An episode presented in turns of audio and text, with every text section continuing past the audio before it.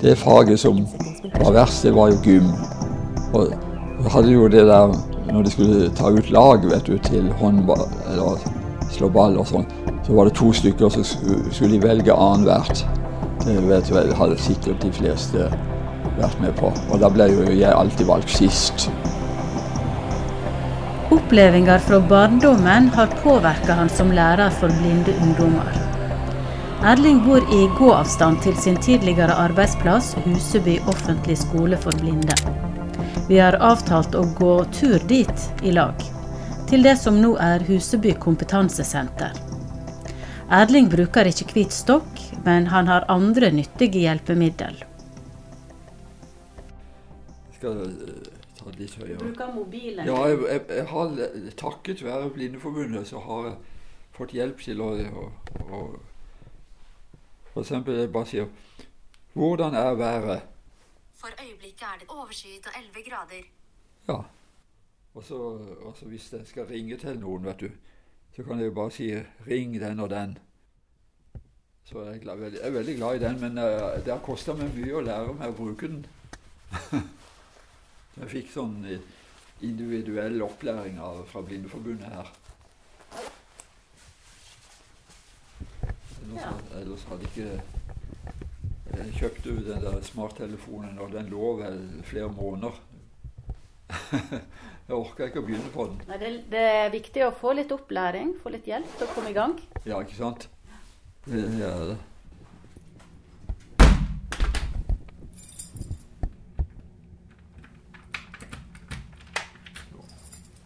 Ja, Da er vi klar. da er jeg klar. Jeg vet, Noen sier jo at det er litt skummelt oppe når du er så gammel. Men så er det andre som sier at eh, da holder jeg meg sprek, vet du. Ja. Har de trappene. Du holder mest til det siste, kanskje? Ja. ja. Akkurat. Akkurat. Foreløpig er det iallfall ingen problem.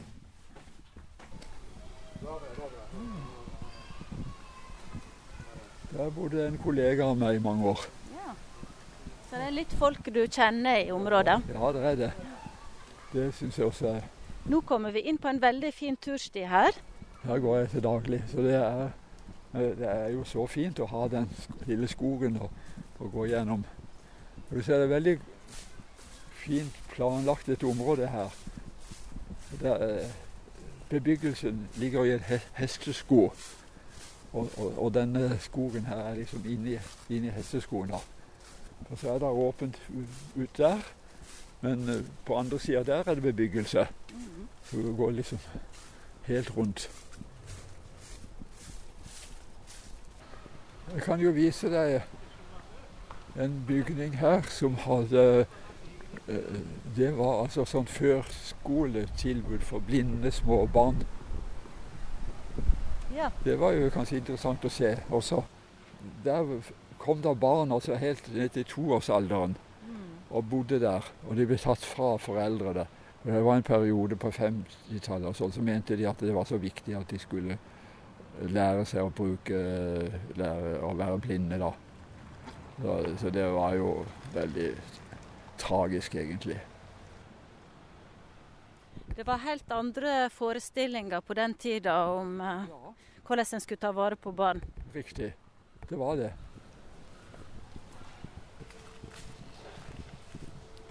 Jeg tenker at du må jo kjenne veldig godt denne veien da, når du går her med redusert syn. Ja da. Og uten stokk og uten hund. Ja, ja da. Nei, ja. som sagt så jeg pleier å gå over broa. Det er mye lettere da. Og når, når den ble stengt her for Det var jo ikke lenge siden, det var her i høst. Så, så plundra jeg litt grann før jeg liksom fant den veien her. Men jeg hadde jo en grei arbeidsvei, vet du. Bilfritt og, og mye trær. Og, så, så jeg har vært fornøyd med det. Hvor mange ungdommer var det som pleide å bo på Huseby, på internatet? Ja, Det kunne være en 10-15 på hvert trinn, ja. Så jeg, jeg, jeg kan tenke meg at det var rundt 50. Her, nå, nå er vi kommet til eh, arbeidsplassen min. Det første bygget her var, kalte vi for verkstedbygget. Her var, var de pra praktiske avdelingene med maskin og, og mekk. Og det var kurfletting, veving. Um, hus, husstell var vel også her. Ja. Tror jeg han Snekkeravdelingen hadde også vært. Så hele det bygget var eh, verksteder. Det er, det er den eldste bygningen her på området. Når ble den bygd, vet du Det var rett før krigen. Jeg tror den var ferdig i 37 eller noe sånt. Ja. Og, og da var, til å begynne med så var det bare for eh, menn. Voksne og menn. Ik ikke damer. Det eh, var nede i byen. Det var en helt annen, det var en helt annen skole det, i, i byen. Ja. Og så De kom hit når de var sånn 12-13-14 år? da? Ja, ja de, et, etter, etter folkeskolen, ja. Mm. Som den gangen ja, 14-15 år, vel, så kom de hit. Og, og voksne som ble blinde. Men dette er jo uh, historie, da. Ja, for I dag så er det et kompetansesenter her. Ja, riktig. riktig. Ja, nå, nå er det jo ikke bare blinde og svaksynte, men det er også talehemmede uh, og, og øh, døve og tunghørte. Og jeg tror det er også noe med lærevansker og ta, ja, talevansker. Jeg lurer på om vi skal bare bevege oss litt videre, for det er et spetakkel bak oss. og Det er altså denne, denne brua som de driver og utbedrer. Men nå går vi langs med denne bygningen, murbygningen, eh, som eh, Da var arbeidsplassen din i må ha vært nærmere 40 år, da? Ja, Ja. ja. Er det Har du, har du mest eh, gode minner og Ja. fine minner? Ja. Å ja da, absolutt. Mest, absolutt mest gode minner, ja. Men som du fortalte meg, så har det vært noen skjebner og historier? Ja, jeg har jo møtt mange som hadde problemer. Det er jo klart, særlig de, de eh, voksne som, som var blitt, var blitt eh, blinde da. Det bygget her, det kaller vi for hovedbygget. Ja. Og der var, der, der var de mer teoretiske undervisningen. Ja. Og der var spisesal, og det tror jeg er kantine fortsatt. Det er rett inn her. En svær kantine. Og, og så var det kontorer. Og så var det eh, overnattingsrom i andre etasje her. Og tredje. Så det var, eh, det var jo internat. Og her var hovedinngangen. Og så Og her var det også eh, undervisning i mange av de rommene der.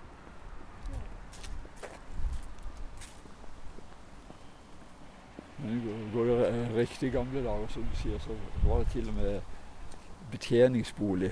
Jeg tror, jeg tror andre, I tredje etasje her så, så bodde folk som jobbe, jobba der. Ja.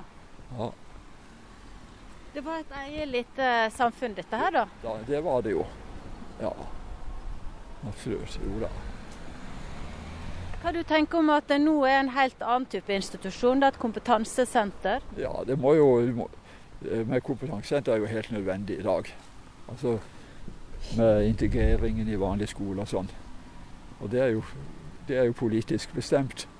Men eh, jeg mener at de kunne opprettholdt en avdeling hvor folk kunne være i kortere eller kortere tid.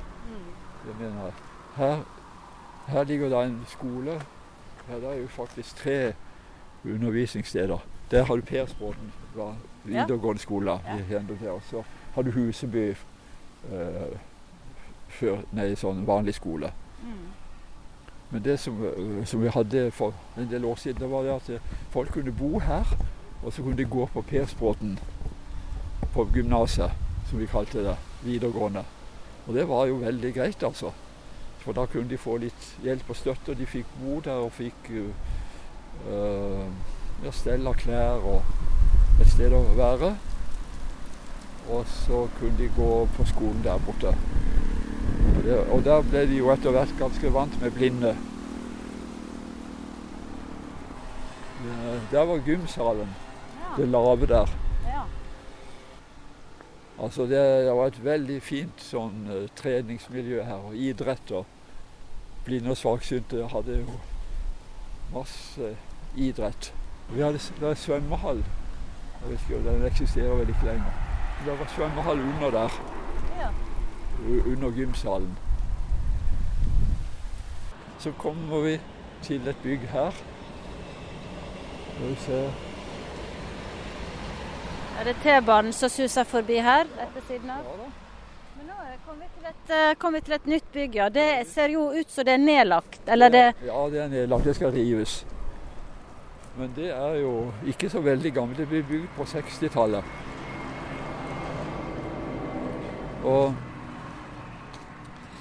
den gangen der så ble det bygd som det skulle være eh, jenteskole. den gangen var det altså det var internat for jenter. Ja, det var vel Det ble bygd på 60-tallet, ja. Riktig. Og så var det en periode var det ungdomsskoleelevene som bodde- der. Og så er det jo enda en bygning som du ikke har sett. Jeg vet ikke om den porten der er åpen? Vi kan gå gjennom her. Her er det en ja, åpning. Ja visst. Også det gjerdet der, det er nytt, altså. Ja. Og På innsida av det gjerdet så er det da disse bygningene som du har Ja. beskrevet. Og dette her hvor vi står nå, så skal, dette er, er solgt for kjempesum, altså. Ja vel. Hva som skal komme hit, da? Det skal bli boliger. Ja. Blokker. Men enda så er det et, et bygg bak her. Ser du det på ja, tvers? Ja, kanskje et uh, mur. Det var, det var ungdomsskolen. Opp, var bygd for å være ungdomsskole. Så der, eh, der jobba jeg i mange år. Og, og så laga de en forbindelse, en sånn bro over til det andre bygget der. Ja. Så du ser det er jo utrolig eh, bygd, hvor mye bygningsmasse der er her, Er altså. Ja, Var det en god arbeidsplass, dette? ja, ja da, jeg vil si det. Vi hadde det veldig greit. Og, og eh, vi holder jo sammen enda, en del kollegaer. Ja, Du har kontakten med gamle kollegaer? Ja da, vi har en pensjonistforening som møtes eh, ja, jeg tror det er fire, det er fire ganger i året. Så det er ikke så verst. Er iallfall én gang i år så er vi her, faktisk. Det at Erling er svaksynt, kan nesten ikke merkes. Han finner lett fram og beskriver omgivelsene der vi går på turen. Så jeg lurer på hvordan synet hans egentlig fungerer. Ja, jeg har eh, hatt offisielt eh, det de kaller visus, eller synsstyrke, på eh, 10 sier øyenlegene. 0,1 i, i, i desimalbrøk. Og eh, så blir det regnet om til prosent, ja, og sier at man har 10% syn. Og vil jeg jo hevde det at eh, vi, vi hadde mye mer enn 10% nytte av synet. Jeg syns det er helt for, for feil målestokk. Okay, Ok, Så du, du føler at du ser mer enn 10 Ja, ja, ja. Ja. Ja, 10 eh, Men man kan ikke måle det i prosent, for syn er så eh, Det er så mange eh, delfaktorer på syn. Ja, kan du beskrive hva Men- du ser her? Ja, nå ser eh, Nå er jo jeg kjent her, men jeg ser jo at det sitter en dame rett over bordet. Men jeg, jeg kan ikke se ansiktstrekkene dine. Jeg ser så vidt eh, øynene, nesa og munnen, og så, og så håret. Og, og så har du Jeg kan ikke se fargen på genseren, men, men jeg hadde ikke, jeg hadde ikke kjent deg hvis jeg ikke eh, kjen- hvis jeg ikke eh, visste hvem du var. Du har sånn. ikke gjenkjent meg. Nei, nei, nei. Og, og jeg ser jo ikke ansiktsuttrykk, og det er noe av det som er problemet når man ser dårlig. Jeg ser jo ikke i det hele tatt om, om eh, du smiler eller rynker panna, rynker på nesa eller et eller annet sånn. Så det er jo en betydelig hindring i kommunikasjonen. Så eh, jeg, jeg vet ikke hva øyekontakt er, f.eks. Nei. Men hva som hjelper deg da når du møter seende? Altså, hvordan kan de Nei, jeg må jo basere meg på at folk kjenner meg igjen.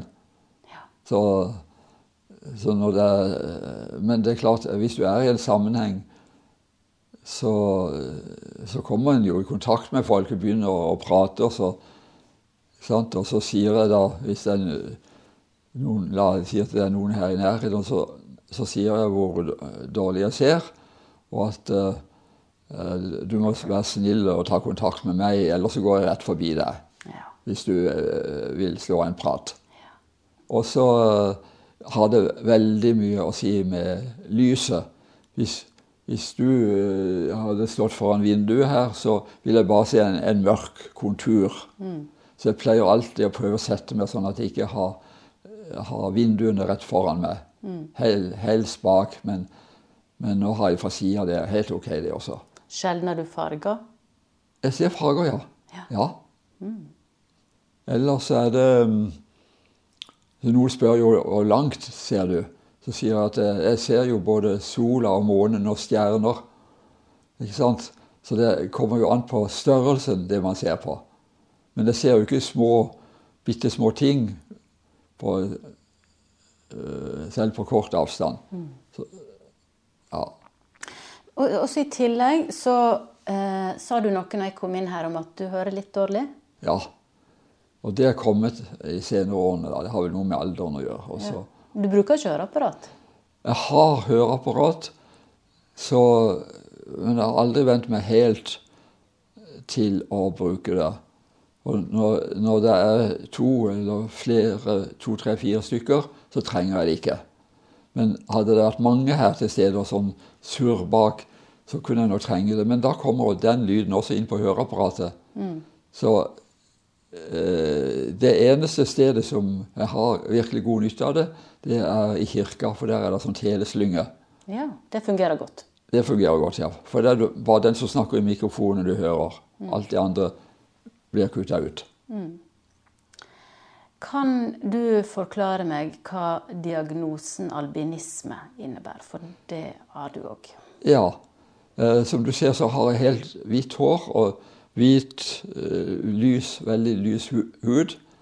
Og det er en eh, arvelig Jeg vil ikke kalle det sykdom, men, eh, men hva skal vi si, handikap, som oppstår eh, veldig sjeldent.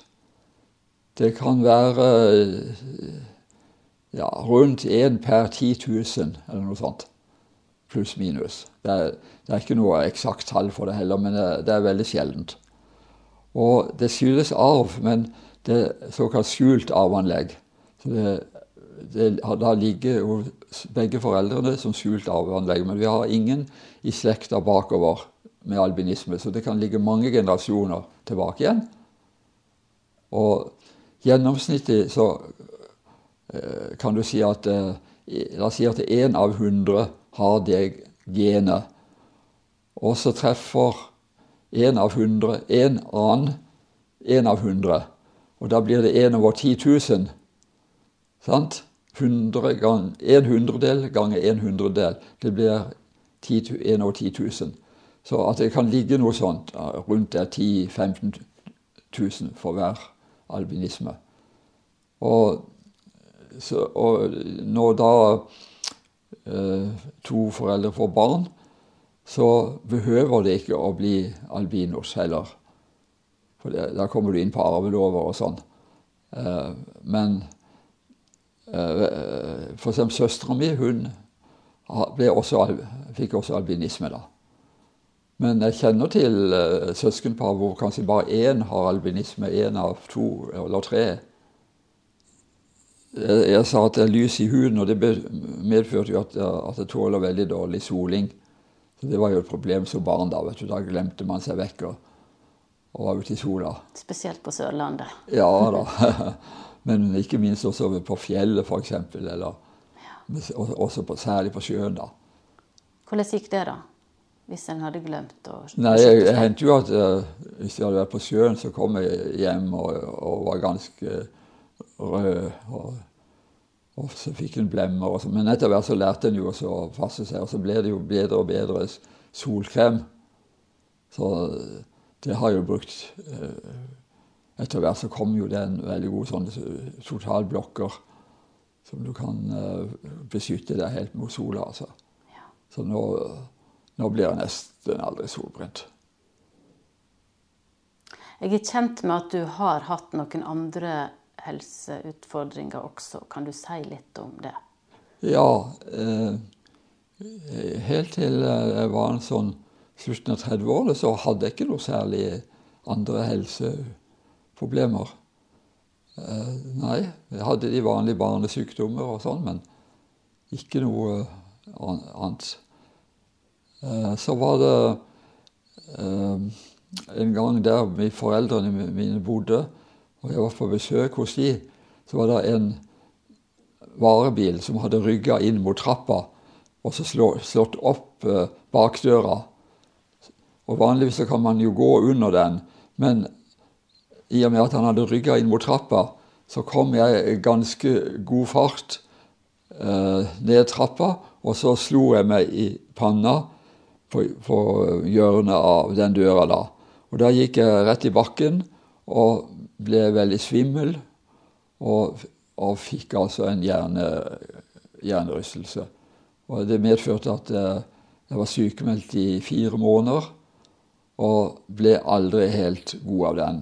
Så fremdeles har jeg med en av det, altså at jeg blir fort sliten og, og svimmel. Og, og både av fysisk anstrengelse og av lesing og, og skriftlig arbeid. Så, så det har vært plagsomt altså, helt siden da. Men jeg ble jo noe bedre etter et par år, så klart det, ja, Jeg kom jo i full jobb til og med, og var jo det for det meste da. Men eh, Og så fikk jeg hjerteinfarkt i Det var vel eh, ja, snart 20 år siden. Og, og da ble jeg kjørt i full fart på sykehuset og, og ble, eh, fikk sånn utblokking. Og hadde noen tilbakefall de første årene, men etterpå det så har det gått veldig fint. Jeg går på blodfortynnende og kolesterolsenkende, og det må jeg fortsette med. Men eh, jeg har ikke noe vondt i hjertet eller brystet, bare at jeg blir veldig fort trøtt. Og det er akkurat som det forsterker det andre problemet. da. Jeg fikk det hjerteinfarkt, så, ah, så ble det verre i hodet. Jeg tror det har noe med blodsirkulasjonen ja. Så jeg, det er vanskelig å, å stå stille, for da renner blodet ned i beina. Så det blir faktisk bedre å gå. Ja. Sånn. Ja, for jeg tenkte litt på det. Hvordan, eh, har du noen teknikker og metoder for eh, å ta vare på helsa di i dag? Ja, det er jo det at en må ikke ta det for hardt. Altså alltid ha muligheten for, å kunne hvile. Det, det er noen ganger f.eks. da jeg jobba, så, så skulle vi flytte på ting og sånn, så gikk det veldig fint en stund, og så ble jeg bare sånn helt slapp. Så jeg er forsiktig med det, da. Å ta tunge ting. Og vil helst være et sted hvor jeg kan gå inn og slappe av. Men hvis jeg bare sitter, så kan jeg klare meg ganske lenge. For eksempel jeg reiser ofte med buss til Kristiansand. Det tar en eh, fire og en halv time, og det går helt fint. Da bare sitter jeg. Men eh, hvis jeg skal utføre selv de enkleste tingene her hjemme, sånn vaske opp eller gjøre, gjøre sånn, så må jeg stadig kunne eh, legge meg ned på. Han bruker ikke hvit stokk ennå. Jeg kommer nok til å, å, å begynne med det, ja. Med hvitstokk. Og det går jo også an å ha en sånn på lur som du kan ta frem i visse situasjoner. Ja. Visse situasjoner, når kan det være, tror du? Det er, det er spesielt hvis det er motlys. Uh, og la oss si uh, våt asfalt og så, og så sola rett imot, så ser jeg nesten ingenting. Ja. Og så er det jo et signal til andre òg, da, om å ta hensyn. Ja, det er jo det. Absolutt. Nei da. Det er treghet, altså. Rett og slett at de ikke har begynt med det. Og, så, er det, så er det litt det også at det, da får du plutselig all verdens hjelp, da. Og ja, du vil ikke ha så mye hjelp. For, ja, Du vil ikke ha så mye hjelp, altså. ja, Men da er folk veldig hjelpsomme, og sånt, så det kan veldig lett bli for mye. OK. Ja. ja. Du vil helst ordne deg sjøl? ja. Det, ligger noe der. Vil klare meg sjøl, altså. Ja. Ja. For det var noe med det du sa om at du syns du har mer enn 10% syn? Så Ja, du- det har jeg jo absolutt fremdeles. Ja. Og iallfall hadde jeg det den gang. Altså, så ø, øyelegene burde slutte å, å bruke det der uttrykket. Det høres, det høres jo så forferdelig ut. Bare 10% syn. Eh, altså, jeg har jo Jeg har jo veldig mye nytte av det synet jeg har nå, til og med. Langt mer enn 10 Mm. Ja. Så det å gjøre rent, det å lage mat, det å eh, Ja. ja, rydde og alt som er det. til ja. Jeg gjør det sjøl, ja. Mm. Men uh, jeg har også tenkt, det, tenkt å få iallfall rengjøringshjelp. Mm. Det, det burde jeg nok ha. Og hvis du ser på vinduene, så ser du vel hvor skitne de er. Omtrent sånn som hjemme hos meg. det der. Ja. men jeg, jeg ser det jo ikke. Kan du fortelle litt om din bakgrunn, eh, Erling? Ja, det, som sagt, eh, født i Kristiansand, litt, litt utenfor byen. Ca. en mil, et sted som heter Mosby, retning Vennesla.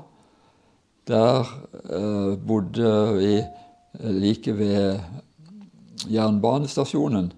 Og min far var jernbanemann. Og da reiste vi gratis med lokaltoget. Så det var lett å komme til byen. Og jeg gikk på skolen der. Så tilhørte jo mine foreldre pinsemenigheten i Kristiansand. Så jeg gikk jo på søndagsskole der, og, og ellers var jeg jo med i virksomheten der eh, ja, omtrent til, jeg flytta til Oslo. Hvor mange var dere i familien? Eh, det var mor, far og så ei søster og meg. Hun er to og et halvt år yngre. Og som du sa i stad, så er hun òg født med albinisme. Ja. ja. Så gikk jeg jo på skolen. De lurte jo på om jeg kunne klare det, da. Og da var alternativet å komme i sånn de kalte for særklasse da, i, i byen. Eh, Men så sa læreren at eh, vi vi kunne jo prøve, da. Så gikk det rimelig greit. Og i, når man er syv år, så er det jo eh, tilpasningen mye større. Sånn at du kalles for akkommodasjon, altså til eh, øyelinser, og hornhinner er jo mye mykere. Så man klarer seg med, med lite forstørrelse. Og, så det gikk jo ganske bra, egentlig. Men eh, måtte jo ha litt hjelp til tavla og sånn, da. Se på tavla. Og jeg vet ikke om jeg skal snakke noe mer om, skolesituasjonen. Nei, det er helt opp til deg sjøl, men jeg lurer litt på hvordan det var å vokse opp som synshemma. Og med den diagnosen var, da, som du hadde. ja, du vet, den skilte seg jo ut veldig. Og, og det var veldig mye en ikke kunne være med på. Sparke fotball, øh, ja, gå- gå på ski. Jeg kunne nok gå på ski, men liksom ikke sånn konkurranse og sånn. Og slå ball. Og ja Så jeg var i grunnen lite med i lek og sånn sammen med andre gutter, da. Men eh, så hadde jeg heldigvis en, god kamerat som jeg var mye sammen med. Og vi drev liksom med våre ting, og særlig snekra og, og eh, gikk i skog og mark. Og, så takket være han så hadde jeg det i grunnen veldig, veldig bra. Og, og så hadde jeg jo også enkelte andre kamerater som jeg var sammen med, men liksom ikke med den store gjengen, altså. Hvordan eh, var, var pedagogikken, da? Hvordan tok lærerne og skolen vare på deg? Det var ikke så mye som trengtes. De visste jo om det, at det så dårlig. Så jeg satt jo alltid på første pult, og så kunne jeg gå frem på tavla hvis det var noe jeg ikke så der. Og, og noen av lærerne var også flinke til å si høyt det de skrev på tavla. Så, så det gikk jo ganske bra, egentlig. Det, det faget som var verst, det var jo gym. Og det vet jeg jo mange som har slitt med. Hadde du nærmest fritak fra gymmen? På folkeskolen var jeg med, og det var ikke noe gøy. Det, det, vi brukte mye f.eks. å slå ball med sånn liten ball. Og, og håndball og, og sånt. Nei, det var ikke Nei. Det var, det, det var ikke noe stas. Og vi hadde jo det der når de skulle ta ut lag vet du, til håndball eller slå ball og sånn, så var det to stykker, så skulle de velge annethvert. Det vet du, hadde sikkert de fleste vært med på. Og da ble jo jeg alltid valgt sist. Og så eh, var det en gang at det var en i klassen som, som var litt sånn tykk og klumsete, som vi sier. Så det var en gang at, han, at jeg ble valgt før han da. Og det var jo en stor dag, da. var, jeg tror det var bare én gang det skjedde. Det var et brutalt system, dette. Ja, ikke sant? Visst var det det. Men ellers så var, hadde det rimelig bra, og, og lærerne tok jo hensyn og, og sånn, så det var ikke Nei undervisningsdelen gikk, gikk greit. Har eh, opplevelsene og erfaringene fra skoledagene påvirka yrkesvalget ditt? At du ble lærer? Ja, det tror jeg, det tror jeg nok. Eh, skolen var jo den arenaen hvor jeg liksom mest kunne være på linje med de andre. Unntatt akkurat det der med gymmen. Så så fungerte jeg jo stort sett på linje med de andre. Har du følt på at det, det yrkesvalget du, du, en gang tok, og den, det arbeidslivet du har hatt, at det har vært meningsfylt? Ja, det syns jeg. Ja, absolutt. Så det var, det var, redningen for meg også, det. Hvordan da? Fordi at det, det var så vanskelig å finne noe som jeg både kunne trives med, og, og der ikke synet var en begrensning. Mm det var ikke så, så veldig mye uh, Det var liksom noen faste yrker den gangen som blinde og svaksynte ble pen, pensla inn på. Erling gikk lærerskolen og fikk jobb på Huseby når han var i slutten av 20-åra. Han fikk etter hvert ulike roller og oppgaver der. Pedagogisk la han vekt på å følge læreplanen, tilpasse undervisninga til blinde med bruk av taktile metoder og modeller. Jeg spør han hva han la vekt på i det mellommenneskelige forholdet til elevene. Det var jo god kontakt med elevene, og vi hadde jo en helt annen uh, helt annen grunnlag for å få kontakt med den enkelte når vi var så få. Men samtidig så var jo elevene veldig forskjellige, så selv om det var få, så, så kunne de stå på ganske forskjellig nivå. Så vi måtte jo prøve å ta hensyn til det også, da. Og, og, det var også blinde og svaksynte som vi måtte differensiere mellom. Eh, stort sett, iallfall da, så hadde vi blinde og svaksynte hver for seg. Noe, husker du noe spesielt fra denne tida som har eh, ja, gjort inntrykk på deg, eller en historie som du kunne tenke deg å dele? Eh, ja. eh, man skal jo være veldig Man skal ikke utlevere noe, men hvis jeg bare sier at det var en elev en gang som hadde gått på vanlig skole, og hadde hatt det veldig tøft. var helt, Det var i syvende klasse. Kom hun til oss i syvende klasse da og var helt nedbrutt. Og, og ja. Og liksom den opplevelsen å se hvordan hun blomstra opp Mm. Mens var hun hos oss, mm. det gjorde veldig inntrykk, altså. Mm. Det å komme i et miljø hvor, hvor ble, hun ble tatt hensyn til og, sånn, Hun var, var jo svaksynt, men allikevel altså, så hadde hun ikke blitt forstått. Der hun hadde gått og hatt det veldig tøft. Så, og det var jo det var jo flere som hadde hatt problemer sånn i vanlig skole. da, så kom Det også. Det var vel kanskje noen av de som gjorde mest inntrykk. Og som gjorde at, at uh, Kanskje det var litt synd at spesialskolene ble helt nedlagt. Syns jeg, da. Følte du at du på en måte fikk gi dem en, en ny start, en ny begynnelse, ja. og fikk styrka? Ja. Det, det, tror jeg for Særlig de som da kom fra vanlig skole og kom til oss i ungdomsskolen. Mens eh, de andre som kom fra eh, Tambatun, og, og, eller Dalen som det het først, skifta jo, de flytta jo, da. Så de var jo vant med å gå på blindeskole. Så det, ble, det var jo en helt annen kategori. måtte dere på en måte reparere litt? Ja, det vil jeg si. Av, av det de hadde hatt fra før. Det, det hendte at eh, noen måtte lære seg punktskrift, eller som hadde vært svaksynte og, og, og måtte kanskje gå, til, gå over til punktskrift. Det, det hendte. Men uh, vanligvis var det jo sånn at de som var helt blinde, de, de kom nesten alltid på, på spesialskole da, på Tambatun. Ja, den gangen der. Men det var en del svaksynte som gikk i vanlig skole, i likhet med meg, da. Men du sa at uh, det var flere av elevene som hadde hatt vonde opplevelser, og at det var vanskelig. ja, ja. ja. Det var det. Hvordan uh, tror du livet var, eller inntrykk du hadde av tilværelsen deres? Ja, det jeg tror, de, eh, jeg tror de stort sett hadde det bra. Absolutt.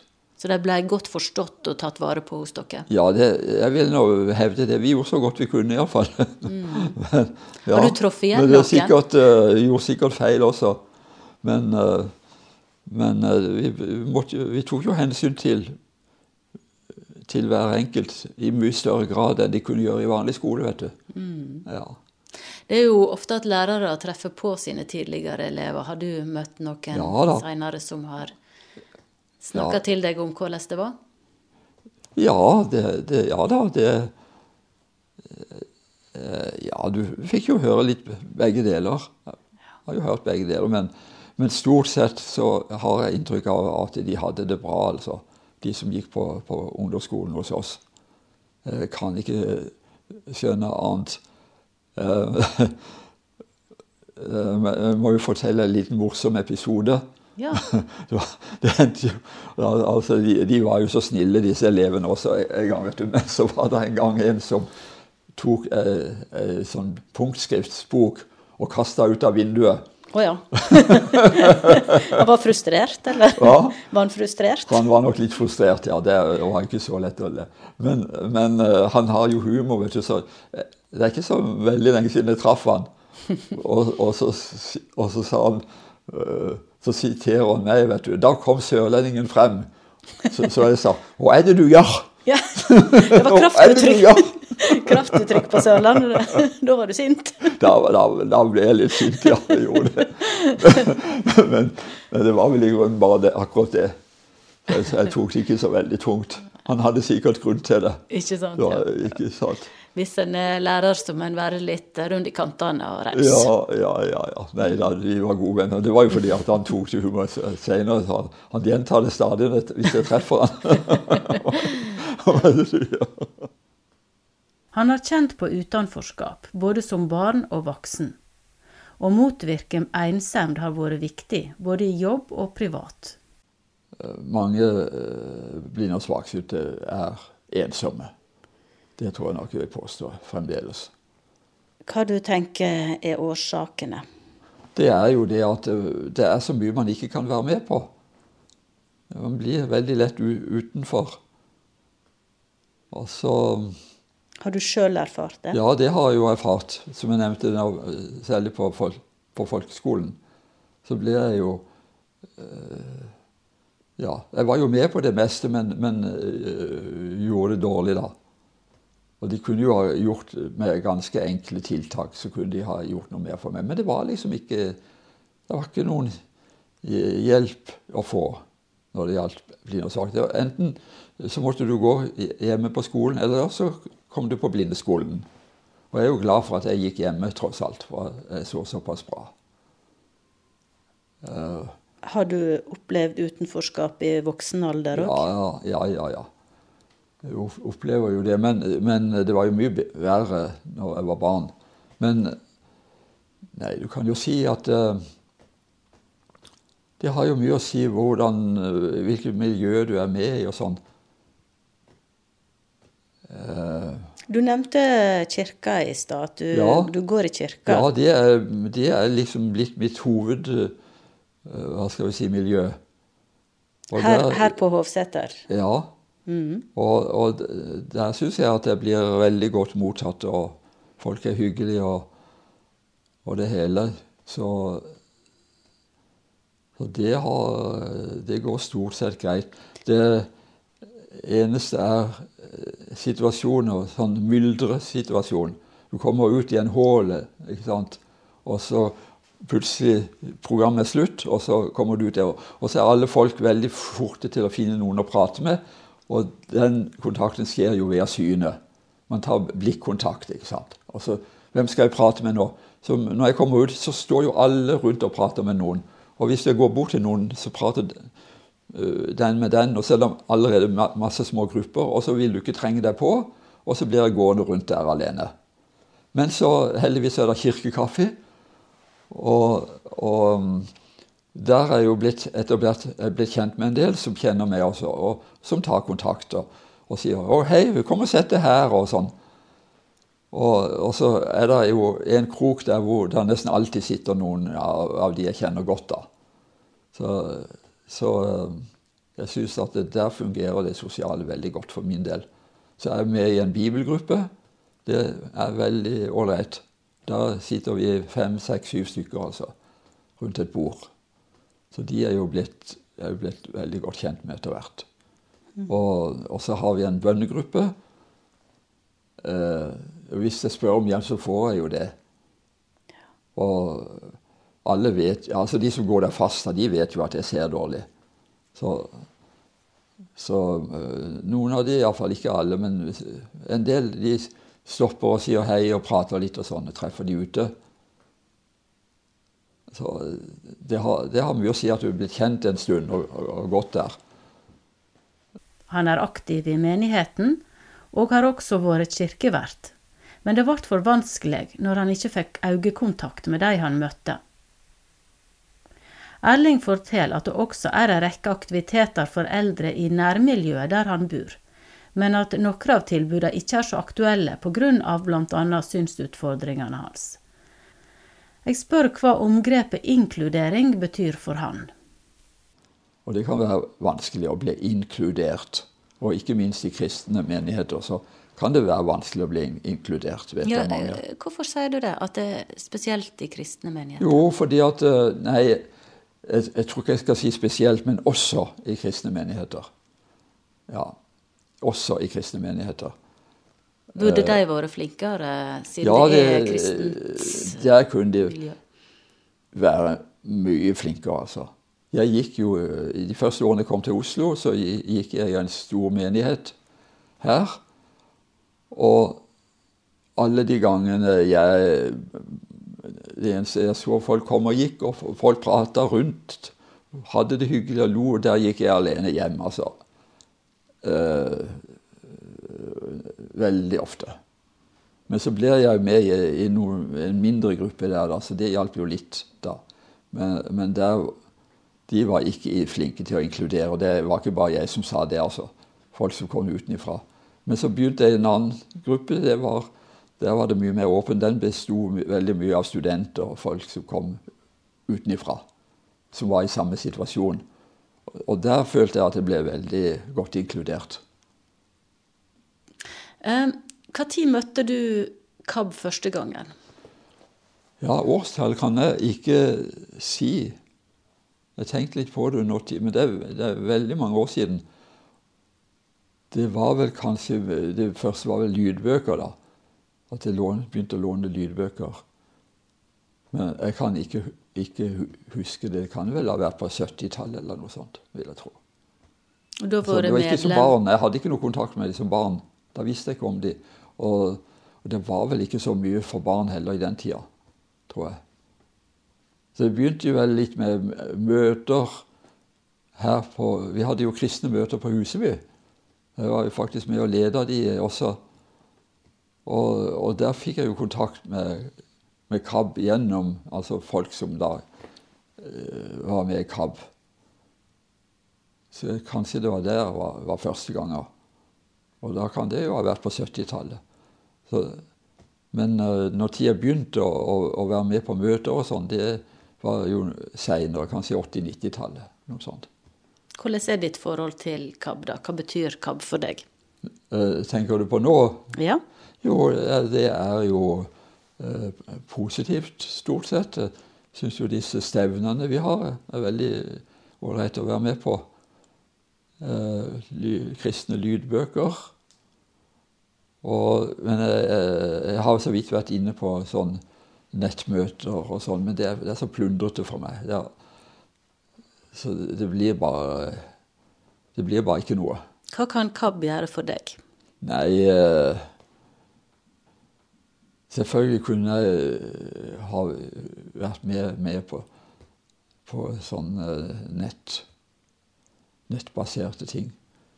Eh, men det har med min kapasitet, altså. Det, jeg kan det, men det, det tar for mye energi å, å, å gjøre det. Så jeg, syns jo det, det, det kortreist, disse, disse, møtene vi har hatt. Kortreist syns jeg har vært veldig fine. Og så har, har, vi jo hatt lokalforening her i Oslo i mange år. Nei, jeg tror nok det at man prøver på, på disse kortreistmøtene, det viser seg jo det. At uh, mange har jo, har jo lang reisevei. Og hvis du bor i ja, til og med så stor by som Bergen, så er det ikke noe lokallag. Og da er det jo veldig flott at de har sånne korsreismøter der. Det er viktig å møtes fysisk. Ja, absolutt. Så, så på, også har du landsstevner og sånn. Mm. Men jeg, jeg, tror de kortreistmøtene kan ha absolutt noe for seg. Mm. Det viser seg jo at det kommer en del folk der. Og også at man gjør noe sånn litt utenom det vanlige. F.eks. går i en kirke sammen og så kanskje spiser pizza etterpå. Ja, mm. prøver med forskjellig. Eh, det som Man skal jo være litt obs på at det, det, må jo være det evangeliske som, som er liksom grunnlaget. Ja, eh, det, det skal ikke være et konkurrent til alt det Altså Blindeforbundet har jo masse gode tilbud og lokallag og, og sånn. Det skal ikke være noe konkurrent til de, men det skal jo ha et, et kristelig innhold, mener jeg. Ikke, ikke bare det, selvfølgelig, men det, men det skal altså være hovedsakelig en hovedting, da. Iallfall at det er en andakt, og man synger noen kristne sanger og, og sånn, da. Mm. For det, det er tross alt det som er det vesentlige med Kavda. Hva har det betydd for deg, det kristne fellesskapet? Jo, det syns jeg har, har betydd mye. Både at det skjer også sammen med andre synshemmede. Så jeg har jo fått venner kjent gjennom KAB. Og jeg vil si det har betydd ganske mye.